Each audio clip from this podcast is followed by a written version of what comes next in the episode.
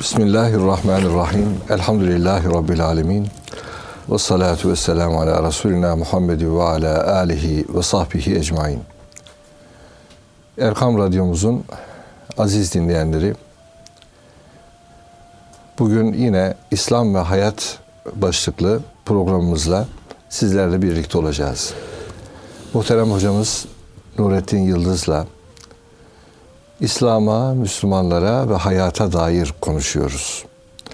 Anladığımız çerçevede İslam'ın bize neler emrettiği, bizi nasıl görmek istediği, daha doğrusu Rabbimizin rızasına uygun bir kulluk hayatını nasıl yaşayabiliriz?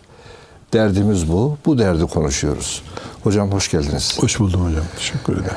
Afiyettesiniz üstadım. Elhamdülillah, elhamdülillah. Elhamdülillah. Cenab-ı Hak hamdimizi, şükrümüzü hep daim eylesin inşallah. Amin. Muhterem hocam bugün özel ve lüzumlu bir konuyu konuşalım arzu ediyorum. Ee, yıllar önce bir büyüğümüzün gönül darlığı, geçimsizlik diye bir yazısını hatırlıyorum. Ee, Kur'an-ı Azimuşşan'da gönül genişliğini e, ifade eden bir tabir var. Şerh-i sadır. Yani gönlün açılması, göğsün açılması, İslam'la açılması, ilahi nurla açılması anlamında. Bir de bunun zıttı dıyku sadır. Sadır daralması var e, doğrusu. E, bu nedir hocam? Yani biraz böyle bir giriş yapsak. Şerhi sadır ve dıyku sadır ya da sadır genişliği ve daralması deyince ne anlarız? İnsan, insan hayatı için bunun gerçekten nasıl bir önemi var? Bismillahirrahmanirrahim. Elhamdülillah ve salatu ve selamu ala Resulillah. Bir göğüs problemi gözle incelendiğinde belki görülmeyebilir. Mesela iyi bir kardiyolog ya da göğüs cerrahı bu göğüs daralması yaşayan insan ne yaşıyor, nedir sıkıntısı deyip işte her türlü ölçüm cihazıyla ölçseler bir şey göremeyebilirler. Ama Resulullah sallallahu aleyhi ve sellem Efendimiz'e Allahu Teala nimetlerinin tadadını yaparken sana nimet işte şunu şunu vermedik mi derken elem neşrah leke sadrak buyuruyor. Evet. Göğsünü genişletmedik mi senin? Bu gerçekten göğüs kapasitesi, göğüs kafesi 5 santim genişledi anlamına değil herhalde. Herhalde. Evet. Değil ya böyle değil. Ondan sonra başka bir ayette bakıyoruz.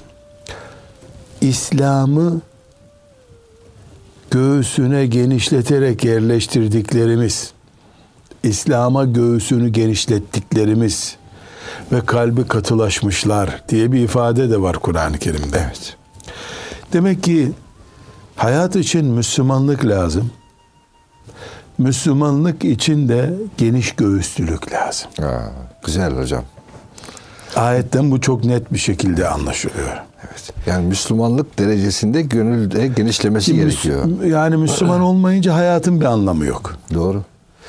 Göğsün darsa Müslümanlık sana bu sefer ağır geliyor. Müslümanlık ağır geldi mi de Allah'ın emirleri ağır geldi, yasakları gereksiz oldu mu da yani Müslümanlığın bu sefer sallantıda oluyor. Onun için göğüs genişliği huzurlu bir hayat için, kaliteli bir Müslümanlık için şart. Ama buradaki genişlik fiziki genişlik değil. Değil. Evet. Yani daha böyle omuz genişliği 10 santim büyük olanlar anlamında değil bu. Bu manevi bir ifade. Evet. Yani elem neşrah leke sadrak ifadesinde anlaşılıyor ki Allahu Teala peygamberi sallallahu aleyhi ve sellemin dertlere karşı ezilip büzülmeyen bir göğsü olmasını e, ihsan etmiş ona. Bu nasıl oldu ayrı bir mesele onu konuşacağız. Ama bu hayat göğsü geniş insanların yani kalbi huzurlu insanların Evet. yani iç sıkıntı yaşamayan insanların daha Müslümanca, daha insanca yaşayabildikleri bir hayattır. Evet. Bu göğüs genişliği ev genişliği değildir. Veya yüksek katlarda, daha oksijenin yüksek yerlerde yaşamak değildir. Bu göğüs genişliği insanın hayata bakışı, Müslümanlıktan anlayışı, imanı bir oksijen olarak içine çekip çekemediği ile ilgili bir olaydır. Ha, demek ki evet güzel oldu hocam o. Yani iman oksijenini içine İman ne bir kadar... oksijendir. Evet. Yani o oksijeni hissedemediğin zaman işte maskeli bir insanın sıkıntısı gibi sıkıntı hissedersin.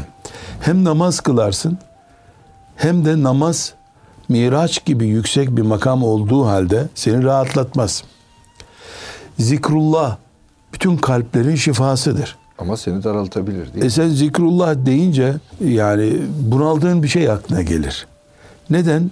Bütün bunların hepsi için iman gerekiyor. İman bir oksijen niteliklidir. Oksijen olmadığı sürece ya da oksijeni alacağın burnun delikleri tıkalı olduğu zaman, maskeli olduğun zaman örnekleri istediğimiz kadar çoğaltalım. Müslüman nefes alamaz.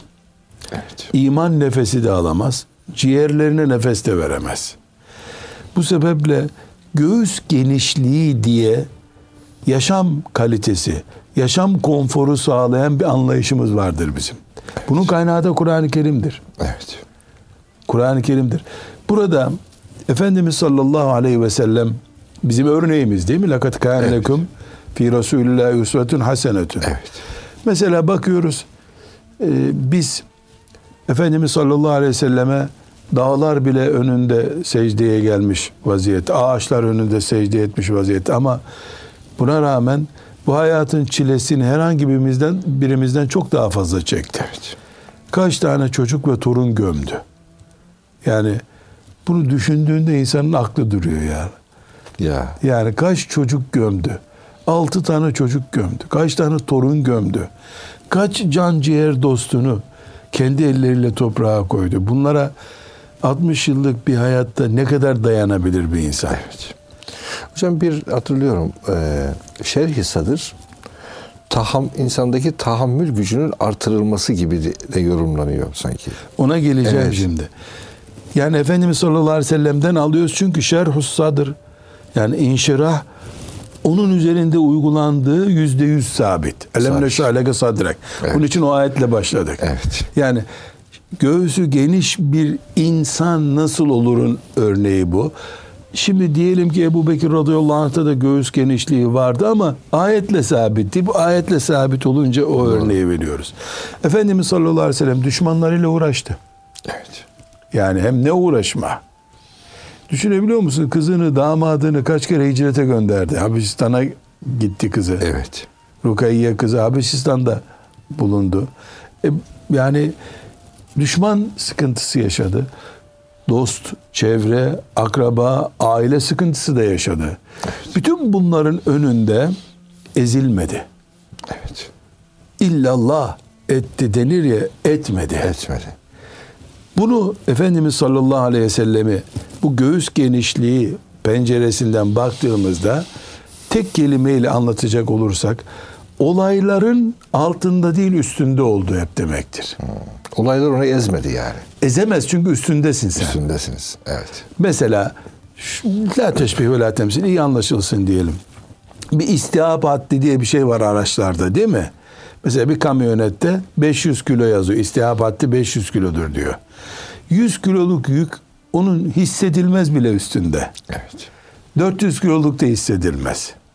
500 kiloyla üstünde biraz yük varmış gibi makasları hafif çöker. Bir ton olursa o araç işte orada makas dağıtır deniyor ya veyahut da şanzıman dağıtır gitmez. Yani Allahu Teala peygamberini aleyhissalatü vesselam olayların üstünde olacak ayara getirdi. Evet. Bu ona ilave bir kalp kapakçığı takma manasında değil. Manevi bir şey. Onu konuşacağız. Nedir bu? Evet. Allahu Teala'nın inşirah için yani göğüs genişliği için verdiği takviye nedir? Nedir? Bu takviyeyi kul istiyor da veriyor Allahu Teala. Yoksa her insanın göğüs yapısı ciğerleriyle, kalbiyle, damarlarıyla aynı yani. Farklı göğüs yok dünyada. Doğru. Birbirine benzer. Birbirine be- benzer yani ne olursa olsun kalp aynı, ciğer aynı. Hastalıklı olan hariç. Ama Allahu Teala bu olayların üstünde, sıkıntıların üstünde olacak bir kapasite veriyor. Oksijen kapasitesini artırıyor Allahu Teala kul istediği için ama. Kulun böyle bir derdi olduğu istemek için. lazım. Kendi kendine olacak. Zaten Allah yaratıyor. Fiziğimizi eşit yaratıyor allah Teala. Herkesi imana davet ediyor. İman ettikten sonra bir olaylar bütününün karşısına çıkmaya talip oluyorsun sen iman etmekte. Nefis büyük bir olay. Şeytan büyük bir olay. Çevre büyük bir olay. Fakirlik, zenginlik bir olay. E, insanların getireceği düşmanlıklar bir olay. İşin gücün getirdiği meşakkat bir olay. Aile bir olay. Bir yığın olay var. Bu olayların karşısına ya standart fiziğimizle çıkacağız biz. Bu sefer hanımından bıkacak, çocuklarından bıkacak, cinnet geçirecek. Yahut da standart olmayı istemiyoruz, kapasite fark isteyeceğiz Allah'tan. Rabbi şrahli sadri ve yessirli emri. Kimin duası bu? Musa Aleyhisselam'ın Musa duası. Aleyhisselam. Musa Aleyhisselam ne yapıyor? Normal fiziğiyle yaratıldı. Peygamberlik görevine verildi. Geldi Firavun'un karşısına dikildi. Baktı ki bu ağır bir iş. Rabbi şrahli sadri. Bana göğüs genişliği ver dedi. Evet. Ya Rabbi sopa ver. Mesela asayı o istemedi Allah'tan. Ama göğüs genişliği istedi. İstedi. Bu göğüs genişliği ne demek? Yani Firavun'un karşısında ezilmeyeyim demek. Evet. Karun'un karşısında ezilmeyeyim demek. Sen kendini bir defa bir kişisin. Bir de kardeşin Harun.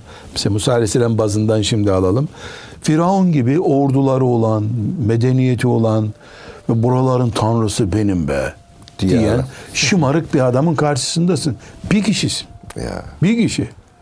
O bir kişi de üstelik onun sarayında büyümüşsün. Ya. Ya Bir eziklik olması lazım. Ne yapıyorsun sen? Bakıyorsun ki Ya Rabbi bana 10 bin kişilik bir ordu ver desen o anda yetişecek bir şey değil o. Ama ne yapıyor? Rabbi şahli sadri. Göğüs genişliği ver bana ya Rabbi diyor. Göğüs genişliği ver dedin mi sen oksijen gücünü ta göklere bağlıyorsun, arşaleye bağlıyorsun. Senin oksijenin özel geliyor. Bu iman oksijeni. Dolayısıyla Firavun'un sihirbazlarını da dev bir şekilde karşında gördüğün zaman hiçbir şey görmemiş hissediyorsun kendini. Evet. Gözün onu basit görüyor. İstihap haddi dediğimiz kapasite artırımı istemek bu işte. Evet. Ama bu olmasa Firavun'un o dehşet sihirbazları işte her yılan oluyor bütün ipler filan böyle ordular geliyor şakşakçıları filan pes edersin hemen otomatik olarak. Hemen pes edersin. Nutkun tutulur yani. Ya ne nutku zaten bizim bir şeyimiz tutulmaz bile orada yani. Olmazsın sen kalp krizinden gidersin. Evet. Yani o görüntünün karşısında tek başına nasıl duracaksın? Peygamberler budur işte. Göğsü genişletilmiş insanlardır ama şimdi dinleyenlerimizi yanlış yönlendirmiş olmayalım. Peygamber olunca göğsün genişletiliyor. Dolayısıyla onlar hep böyle öyle değil. Tabii. Rib'i Allah ondan razı olsun. Ee, Rüstem'in karşısına çıktığında İran'da hani eliyle odunuyla tak tak çirilere vuruyor, fayanslara vuruyor. Ee, ne diyor? Biz sizi karanlıklardan aydınlığa çıkarmak için geldik diyor. Adamın dünyanın en büyük ordusu var Rüstem'in elinde o zaman. Evet. Astığı astık, kestiği kestik. Yani öldürün bunu demesi gerekmiyor. Göz işaretiyle öldürmek istediği anlaşılıyor ve öldürülüyor. Hizmetçiler, köleler. Orada hiç böyle bir şey yokmuş gibi kahveye girmiş gibi. Merhaba abi bir çay verir misin der gibi. Tak tak biz Allah'a kulluğa çağırıyoruz size. Sizin kulunuz değiliz diyor. Son derece metin, metanetli. Göğsü geniş adam işte. Göğsü geniş adam. Evet. Göğsü geniş adam. Yani sanki hocam bir özgüven aşısı gibi değil mi yani Hocam bir yönüyle de. yer oksijeninden arş oksijenine çıkış bu. Güzel. Yani bu oksijen kadron değişiyor ve denizin altında da olsan la ilahe illa ente subhaneke diyorsun. Orada bile oksijensiz kalmıyorsun. Mesela o hatırlıyor musunuz? e, sahabi mızrağı vuruyorlar arkadan mızrak göğsünden çıkıyor. Evet. Yani 3 metrelik bir demir ya da ucu demir arkadan vuruyorlar önden çıkıyor. Aldım anam diyecek yerde ne diyor? Fıstu ve Rabbil Kabe. Kabe'nin Rabbine yemin olsun ben kurtuldum Ben kazandım kurtuldum. diyor. Bu nedir ya?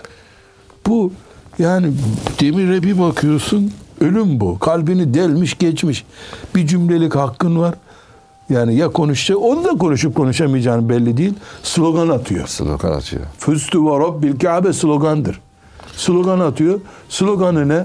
Kazandım, kazandım. Kabe'nin Rabbine yemin olsun kazandım diyor. Miting mi burası nedir? Göğsü geniş adam. Evet. Göğsü geniş adam. Dünya ezemiyor adamı.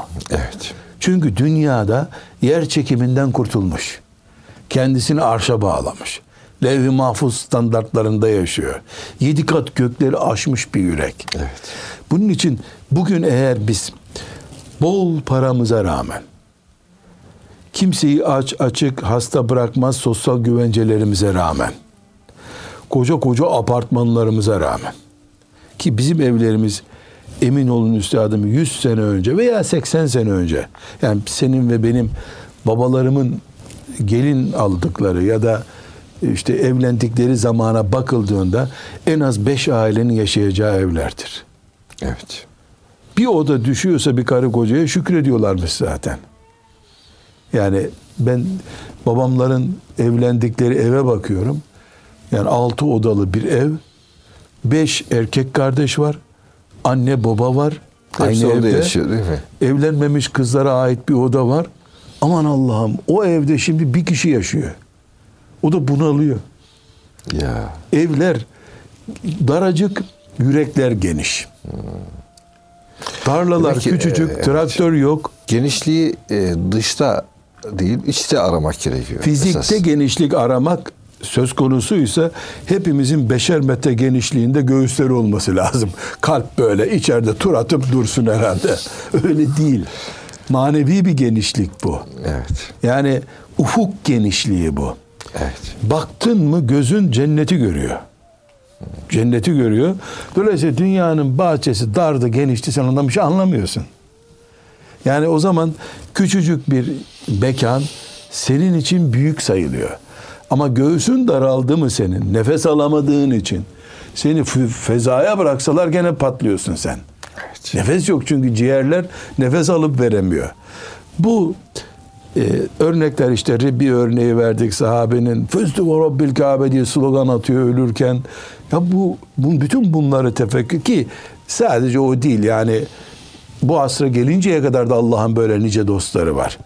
Yani göğsü genişletilmiş dostlar. Bu bir sertifika ile falan olmuyor. Yani bir, bir okula gidiyorsun mesela ilahiyata gidiyorsun. Bölüm olarak da göğüs genişliği bölümü diye bir bölüm seçiyorsun. Kardiyoloji seçer gibi. Sonra sana bir diploma veriyorlar. Göğsün geniş yaşıyorsun. Öyle değil bu. yok öyle bir şey. Hatta ve hatta bir tarikata girmekle ilgili de değil bu. Tabii. Tarikata girersin yük daha fazla olduğu için baş, başın hepten daralır. Niye? Tarikatın bir ruhu var bir de görseli var. Sen görseline talip olduysan bol bol tesbih koleksiyonu yaparsın evde. Doğru. O koleksiyon seni kurtarırsa kurtaracak artık. Takke koleksiyonu yaparsın, cübbe koleksiyonu yaparsın.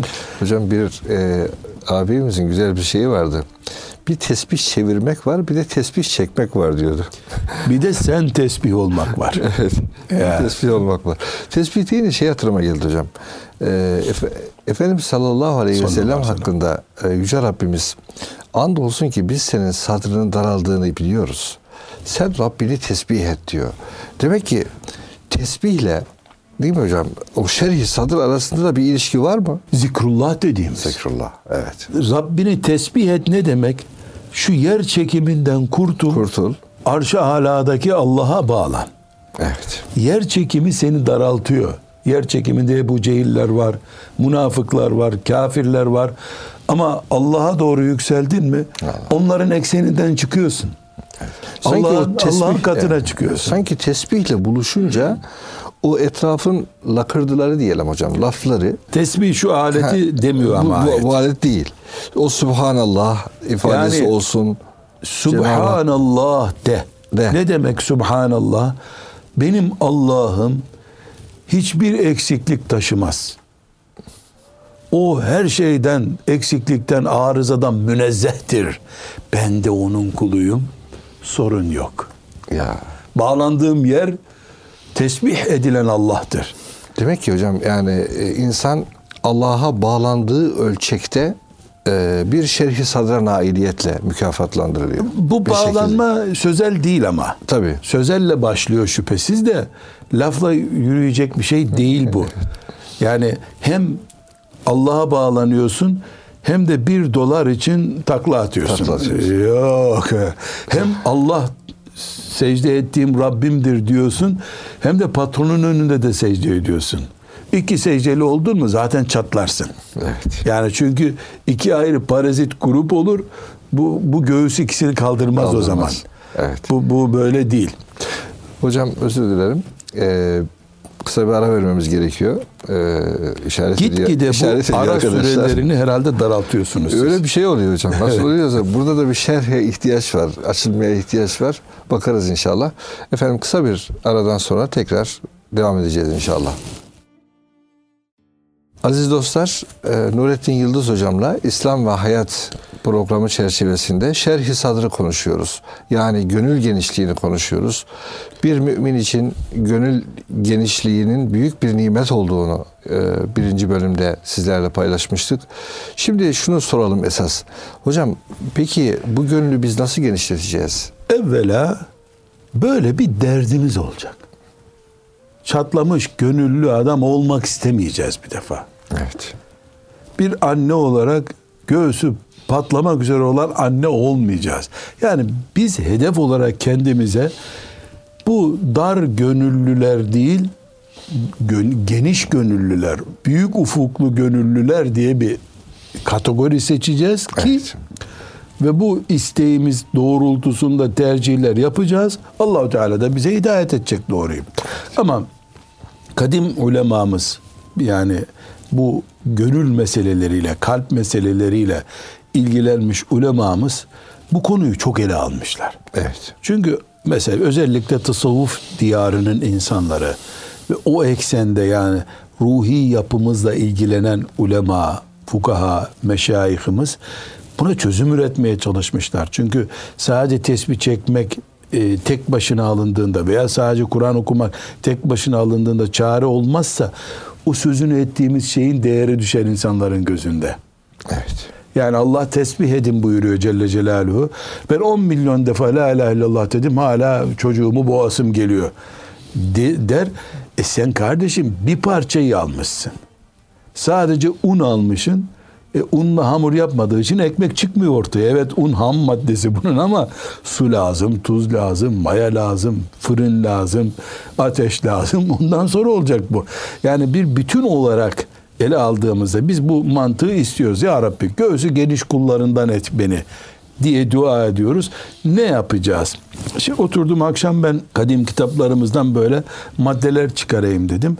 Baktım ki her biri başlarken tevhidin hakkını vereceksin diye başlıyor. E zaten mümine konuşuyoruz biz Doğru, yani. doğru. Kafirin gözü geniş olsa ne olur? Onun kalbi patlamış gitmiş zaten. Kalp sistemi yok adamın. Mümine hep derken tevhidin hakkını ver diyor. Nedir tevhidin hakkını vermek? Benim Rabbim derken ağzından bal akacak. Benim Kur'an'ım diyeceksin. Benim peygamberim diyeceksin. Ashab-ı kiramı, ümmetin büyüklerini benim büyüklerim diye bağrına bas. Yani özeti bu. Tevhidin hakkını ver derken bunu e, istiyorlar. Yani la ilahe illallah Muhammedur Resulullah dedik Müslüman olduk zaten ama bunun bir de bir içtenliği var. Evet. Bu o bir mekanizma. O mekanizmayın içini doldurmak Evet. bir. Birinci. İkincisi sürekli ve samimi dua bu konuda. Allah görecek ki kul bu göğüs genişliğini almadan susmayacak. Evet. Ya Rabbi göğsümü genişlet. Ne demek? Olayların altında kalmayayım. Fakirliğin altında ezilmeyeyim. Zenginlikte şımarmayayım. Senden başka benim derdim olmasın. İlahi ente maksudi ve rıdake matlubi slogan ve yaşam tarzı olarak içimize oturtuyoruz. Oturtuyoruz. Bu ne yapıyor? Belki o la havle ve la kuvvete illa billah sırrı değil mi hocam? Yani o da hakikaten. Bunun uygulanışı bu. Heh, tevhidin Ama bunu duada namazdan önce söylüyorum, namazdan sonra söylüyorum. Birbirimize dua ederken söylüyoruz. Allah sana ferahlık versin diyoruz. Ya Rabbi içime ferahlık ver diyoruz. Bu dua çok önemli. Dua ihtiyaç göstergesi. E ben duadan el çektiğim zaman ihtiyacım yokmuş gibi bir görüntü oluşuyor. Evet. E bu da zaten kibrin ta özü maazallah. İkinci olarak ulema duaya. Çok güzel. Ama samimi, Samimi dua. ve sürekli ve sürekli. Hacca giderken bir defa dua etmiş. O o değil yani öyle punto atmakla olmuyor bu iş. Yapışıp kalmayı gerektiriyor. Zaten hocam dua dua ise mutlaka sonuçta bir selamet e, lütfediyor Cenab-ı Hak. Ferah lütfediyor. Samimi duaya veriyor. Evet. Onu kul hissediyor. Ondan sonra hep o duaya yapışıyor zaten. Üçüncü olarak zikir. Ela bi zikrillahi tatmainnul kulub. Zikir. Zikirsiz hayat yok mümine. Var. Bankan maişa. Daracık bir hayat var. Zikirden kaçınırsa. Açınız daracık hayat. Daracık. Geniş hayat ne zaman? Zikir olduğu zaman. Demek ki zikir insanı arşa bağlayan sır ya da Oksijen arştan, gücümüz. arştan Oksijen nefes gücümüz. almasını sağlıyor değil mi hocam? Ee, ama buradaki zikir bir miktar temas ediyor. Evet. Konumuz zikir değil. Zikir hatırlamak demek. Tabii. Bu hatırlama kredi almak için bankaya gittiğinde Allah'ın haramını hatırlamaktır. Zikir odur işte. Evet. O bir zikir çeşididir. Şehadet makamına ulaştığın zaman Allah'ın cennetini hatırlamaktır. Zikir odur. Seccadenin başında oturduğunda bu iman nimetini veren Allah'ı hatırlayıp Subhanallah, Elhamdülillah, Allahu Ekber demektir. Kafirlerin ne der çekeceğini kıyamet günü bilip hatırlayıp La ilahe illallah diye zikir yapmaktır. Yani zikir tesbih diye bir aletle yüz defa bin defa söylenen söz bir göstergedir. Evet. Asıl olan bünyenin, beynin, damarların yaratan Allah'ı, şeriat gönderen Allah'ı, haramlar veren, helaller veren Allah'ı hatırlamaktır. Evet. Hayatın her safhasında. Nimet nimet geliyor sofraya mükemmel bir e, mesela kuymak geliyor Karadeniz yiyeceği diyelim. Onu yaratan, onu yiyecek mide veren, diş veren Allah'ı hatırlıyorsun. Bismillah diye başlıyorsun. Ya. Oh be mis gibi olmuş demiyorsun. Elhamdülillah diyorsun. Diyorsun. Zikir işte. Tabii. Allah ile yaşamak demek. Her nimette ve her sıkıntıda Allah'ı hatırlamak demek zikir. Tesbih yaptığında yüz defa, bin defa, on bin defa neyse kudretin bunu kapasiten yaptığında ise dillendirmiş oluyorsun bunu. Eğer aslı yok da kuru kuruya dillendiriyorsan bir kazanımı yok bunun zaten. Abdestsiz namaz kılmak gibi oluyor o zaman. Üçüncü olarak da zikir. Ve dördüncü olarak göğsünü genişletmek isteyen haramlardan uzak duracak. Haram daraltıyor demek ki. Haram bir çöplük. Evet. Çöplükte burnunu tıkatarak geçiyorsun değil mi çöplük bölgesinden? Nefes alamıyorsun. Haramlar Allah'ın verdiği e, nimet olan oksijeni yani o iman oksijenini almayı engelliyor. Evet. Dolayısıyla ciğerlerin nefessiz kalıyor. Yani kirli hava soluyorsun yani. Hava soluyamıyorsun. tıkatıyor seni. Soluyamıyorsun Kirli de böyle. olsa soluyamıyorsun. Kirli küçük günahlardır. Evet. Büyük günahlar. Dolayısıyla günahlardan uzak kalıyorsun. Günahlar ciğerlere etki etmesin diye de sürekli tövbe ediyoruz. İstiğfar ediyorsun. Ya tövbe ve istiğfar ne yapıyor? Nefes almayı güçlendiriyor. Bu çok önemli. Günahlar varken başka bir şeyin peşinde dolaşmanın bir anlamı yok. Bir e, başka maddemiz de farzlarda arıza olmayacak. Evet. Farz deyince hemen akla ne geldi? Beşinci maddede namaz geldi. Doğru. Ama anaya babaya hizmet etmek de bir farz çeşidi. Evet. Annesi şu çocuk bir gelse de onu bir e, şuraya götürsem, beni hastaneye götürse kaç gündür gelmedi. Mesela bekleyen bir insanın göğsü darlıktan kurtulamaz. Çünkü anaya hizmet etmek, babaya hizmet etmek göğüs genişliğinin şartlarındandır. Çünkü Allah'ın farzıdır o. Bütün farzlar böyle ama sadece ana baba değil. Hac da böyle bir farzdır. Niye işleri iyi gitmiyor? Niye ben stresliyim? Hac farizeni yapmamışımdır Yapmamış. farz olduğu halde. Misal yani. Ramazan-ı Şerif orucunu Tutmamışsın la kadderallah. Bu sorun. Altıncı olarak bakıyoruz ki göğsü geniş olsun isteyen göğsü genişlerle oturup kalkacak. O da önemli demek.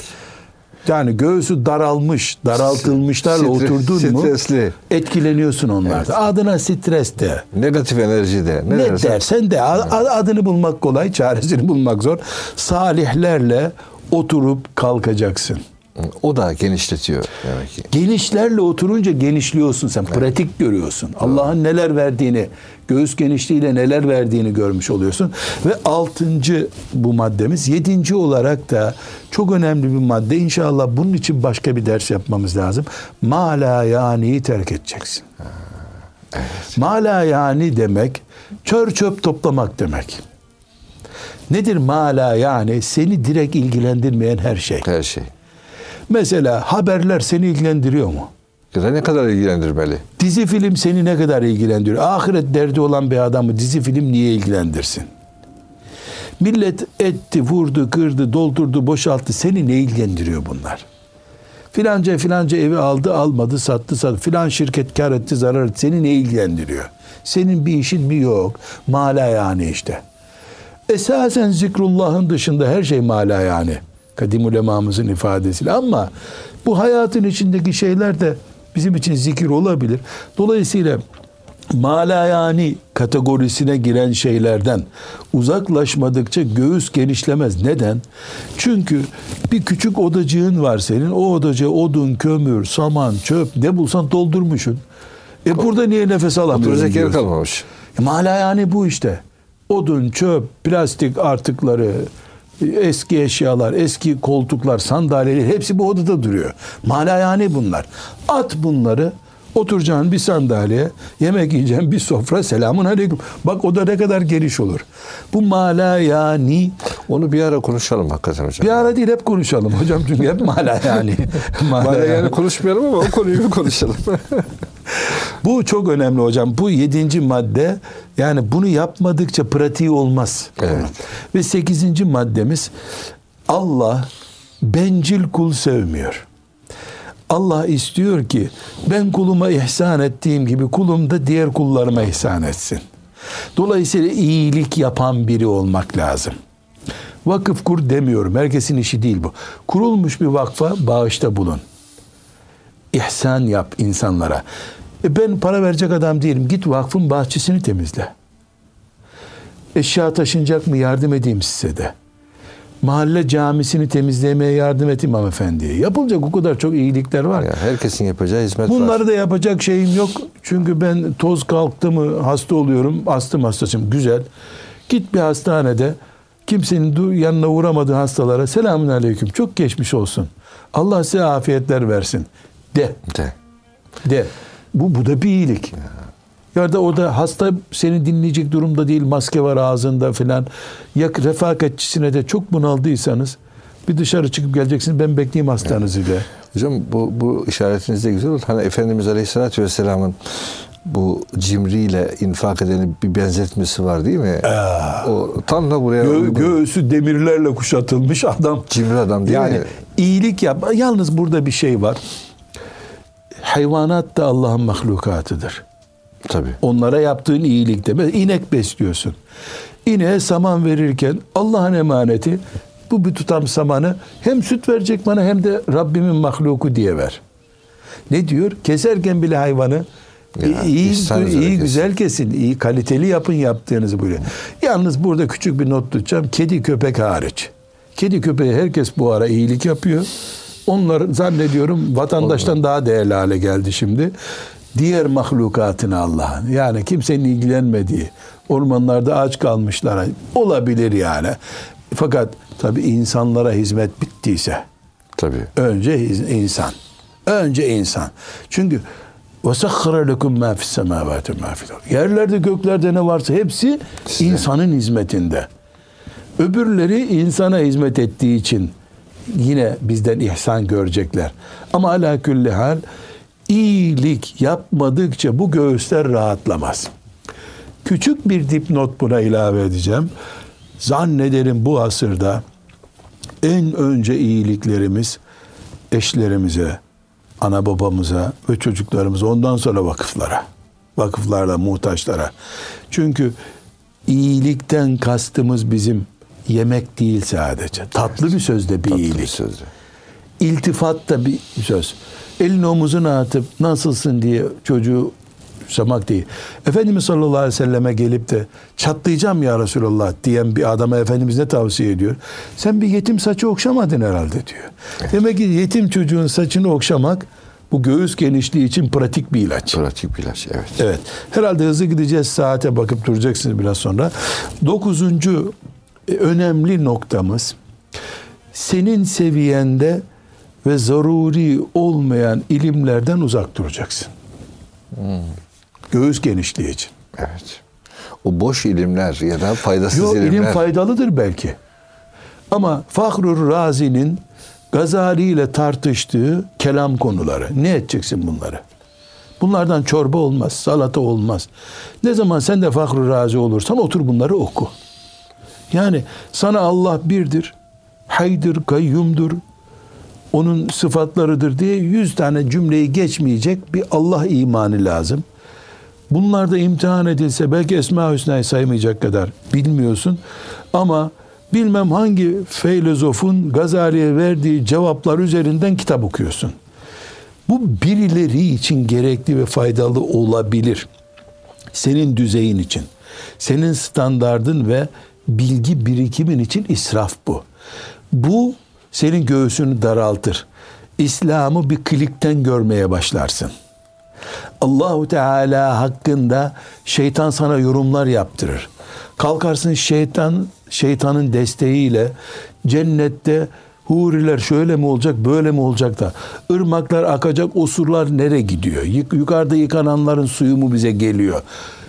Cennetini berbat edecek şeyler tartışırsın. Bunlar yani tartışma konuları din ise tartışmak için değil.